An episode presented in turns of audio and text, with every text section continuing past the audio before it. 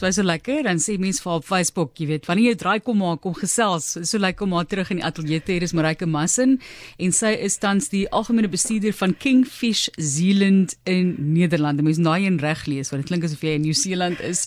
Baie welkom aan jou Marike. Dis verskriklik lekker om weer hier te wees, om julle te sien, maar ook in Kaapstad in sonnige Suid-Afrika. Jy het hom nou al 'n lekker naweek gehad om 'n bietjie in te haal voel. Dit was die beste naweek ooit, want dan kom nou uit maande se grys en reën en wind en donker en dit is net die perfekte naweek. So ek is so gesondbrand. Dit is hysteries, maar is heerlik hierso. Oi. Ons gaan nou 'n bietjie gesels oor wat jy doen spesifiek en daardie die geboer met geelstert op land in Nederland. Dit moet jy vir ons verduidelik, maar jy bly in die provinsie Zeeland. Vertel ons bietjie van jou aktiwiteite daar en wat jy alles doen op die provinsie in die ja, provinsie. Zeeland is heel in die suide van Holland en natuurlik Zeeland is nou maar dis see land en is eintlik onder see oppervlak.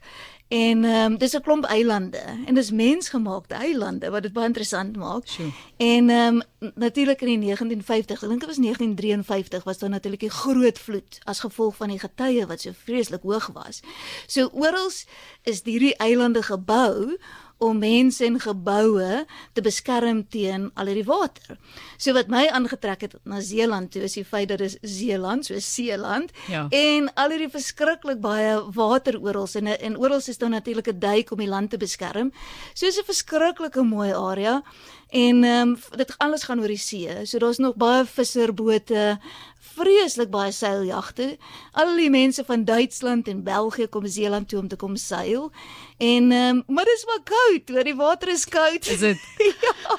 Laat ek jou welkom waai. voel want dit is om die Kaapse water is dan ook baie koud Dis- of is dit nog kouer? Baie kouer. Okay. Ja, baie kouer. So, ehm um, maar ek gaan probeer maar swem in die Oosterskelde en en die water is ook bruin, soos baie anderster is hier. Jy weet Okay. die Noordsee is 'n ander kleur en is 'n ek het die, my eerste naweek daar toe dink ek ek gaan nou kyk waar branderplanke mense, waar is die golwe? En na al die plekke gery wat Google sê is branderplankplek, maar dis soos dis net soos 'n meer, 'n bruin meer. Daar's net niks golwe nie. So dis 'n baie plat plek, maar wat dit so lekker maak omdat dit so plat is, is mense ry oral fiets.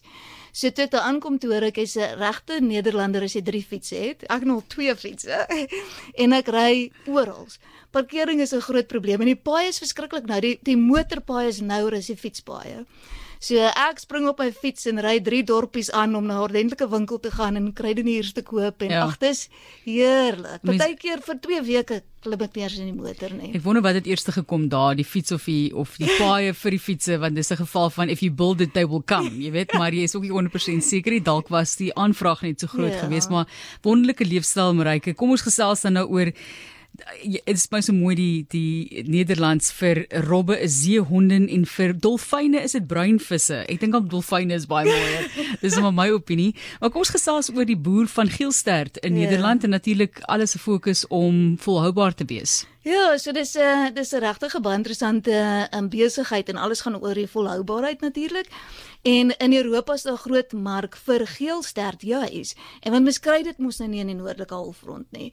En om dit in te voer van Japan of van Australië of selfs van Suid-Afrika, elke nou is daar wilde geelstert in Europa beskikbaar, is baie ehm um, koolstofdioksied carbon, jy weet duur. So die carbon footprint is baie duur om om vars vis heen en weer te vlieg.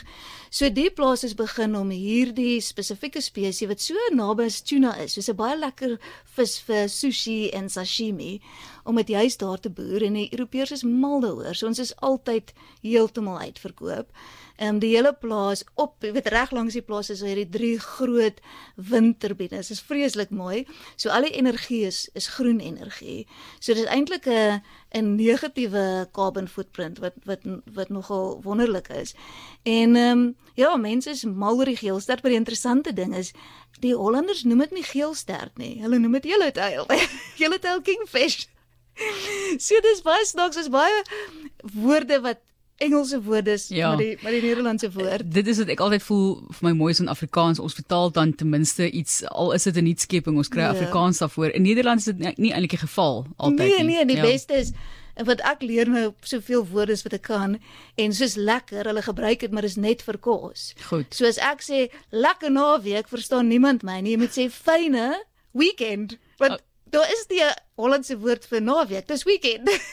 My jene, ek het dit geweet nie. Hoe interessant. So dit is ek lag myself dood vir al die woorde.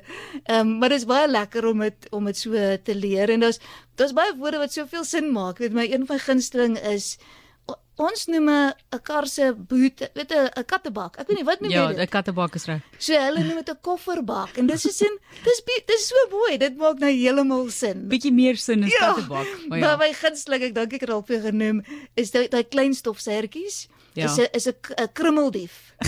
maar hulle noem dit so 'n krui en hulle rug so ek weet ja. dit is so Weskus 'n kruimel kruimeldief. Maar dit maak ook so sin met jy jy sê jy moes nou maar krummeltjies op. Fantasties. Dit is vreeslike mooi woorde. Ons gesels 'n bietjie oor die leefstyl en die interessante werk wat sy tans doen, Marike Massin wat in die land kuier. Sy was voorheen hierso by die Twee Oseane Aquarium aan stuur van sake en boer nou met geelstert op land in Nederland. So, hoe werk dit die, die tegniese aspekte daarvan? Ja, dis alles resirkulasie tegnologie en juis om so min moontlik impak te maak op die omgewing.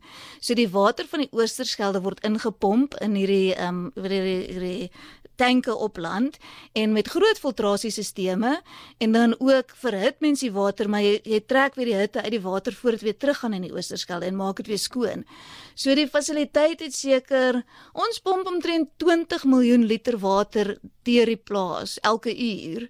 Maar meeste van dit is is water wat jy self skoon maak.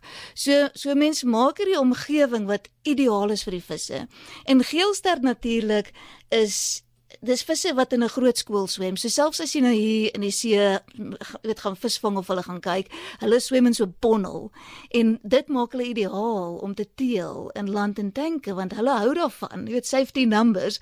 Hulle doen nie goed as dit net so 1 of 2 of 3 visse is nie. So die water word goed skoon gemaak en daar's wonderlike personeel wat jy weet die hele dag die visse dop hou en ehm um, mense moet maar die regte kos voer, die regte watertemperatuur hê en dan floreer hierdie vis. Hulle groei verskriklik vinnig. Dis fantasties om te kyk want as jy net 'n naweek nie op die plaas was nie, maandag is die vis al weer bietjie groter. en weet ons het 'n span wat elke week die uh, tasting trials doen, so proe of jy weet hoe proe die vis en dis so sensoriese 'n paneel. En dan elke dag word visse natuurlik nou geoes en dan verwerk en gaan direk mark toe. En soos ek sê die Europeërs is mal oor die vis, veral Italië. Italië soek dit net so heel binnegoed in koppe aan mal oor die vars vis en is nou in groot winkels, weet hulle noem die winkels soos Conad, ek sou sê dis soos 'n Woolworths of 'n Pick n Pay hier so. So dis nie nie net op die vismarkte of in die restaurante, natuurlik hier baie hoë tipe van fancy restaurante vir vir sushi en sashimi. En nee, daar's 'n Japaneese chef in Rotterdam en hy nooi ons toe vir hierdie ondervinding. Hy hy vat net 8 mense op 'n slag vir aandete en jy moet 6 uur daar wees. Niks vroeër, niks later 6 uur. Dan maak hy noem dit 'n 9 course meal, maar dit vir my gevoel soos 'n 20 20 borde kos en ek eet mos nie vis nie. Maar daai aand sê ek ek gaan nou maar alles moet proe want dit is so 'n spesiale ondervinding en hy het die ongelooflik te goed gemoed. Hy het oorspronklik sy vis ingevoer van Japan, maar toe sê hierdie vis is soveel varser en proe soveel beter dat hy dit nou ehm um, word gebruik. So die verskil dan tussen 'n vis wat geboer word in hierdie water en stelsel teenoor wat jy sal vang in die see, is die smaakverskil enigsins noemenswaardig? Nee, die die idee is altyd om so so naby aan die natuurlike smaak te kry. Die verskil gaan dit wees is ons oes op bestelling. So as 'n as 'n restaurant sê ek so, ek soek 10 visse dan oes ons die 10 visse en teen die middag het hulle die visse. So die, dit gaan alles oor absoluut vars en minimale impak op die omgewing. So eet jy nou vis? Nee. ek het daai dag so baie vis geëet en die ergste is hy het ingewerk daai wagyu beef, nee. Ja. Kyk, ek kan nie onthou wanneer laas ek vleis geëet het nie. En ek het vir almal gesê ek gaan nou net alles eet. Ek het nog nooit in my lewe oester geëet nie. En daai aand het ek 'n oester geëet wat vir 3 dae hierso vasgesit het in my keel. Ja, dis die beste ding in die wêreld. Ek is so jammer dat jy dit so slegte ervaring gehad het daarmee. Ek eet dit nie want dan sou meer vir julle wat so mal is daar. Goed, dan is reg. Dan dit reg. Dan is dit reg. Maar dit was dit dit was baie goed. Dit is 'n baie heerlike vis, veral so vars, is baie olierig. So nee, mense is mal daaroor. Ek is net vol femies. Wat lê voor so terloops? Hoe lank gaan jy nog by hierdie bedryf betrokke wees? Ek weet nie, ek kyk ek wil 'n verskil maak wat ook al ek doen. So op hierdie stadium die afgelope ruk werk ek baie hard aan die aan die volhoubaarheid. Jy weet kry die strategie in plek, doen die carbon analysis, al daai tipe goed. En die die plaas self wil baie uitbrei, soos is besig om aan te groei. Dit verdubbel nou die jaar, oor 2 jaar weer verdubbel. Dit is 'n groot site in in Maine in in Amerika. Kyk na Suid-Europa. Maar Jy weet, never say never. Ek weet nie, ek het mos altyd mure in my broek. Dit was altyd ietsie anders, maar dit gaan maar altyd waar kan ek die grootste verskil maak en dan tackle ek dit. Hoe fantasties. Ons sê baie dankie. Jy maak ons trots daar in die buiteland en sterkte met die aanleer van die taal verder. Ja. dit is 'n groot uitdaging. Dis fyn tops.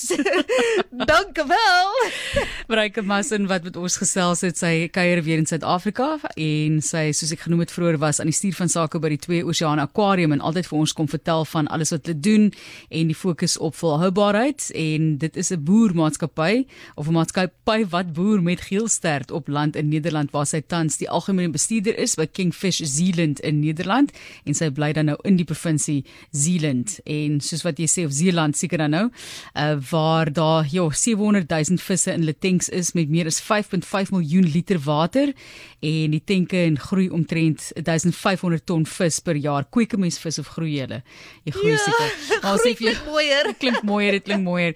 Baie baie dankie aan jou Marike. Dankie dat jy die tyd afgestaan het terwyl die mens eintlik hier is vir familie en vriende, nee, ons waardeer dit. Nee, dit was heerlik. Dankie vir julle.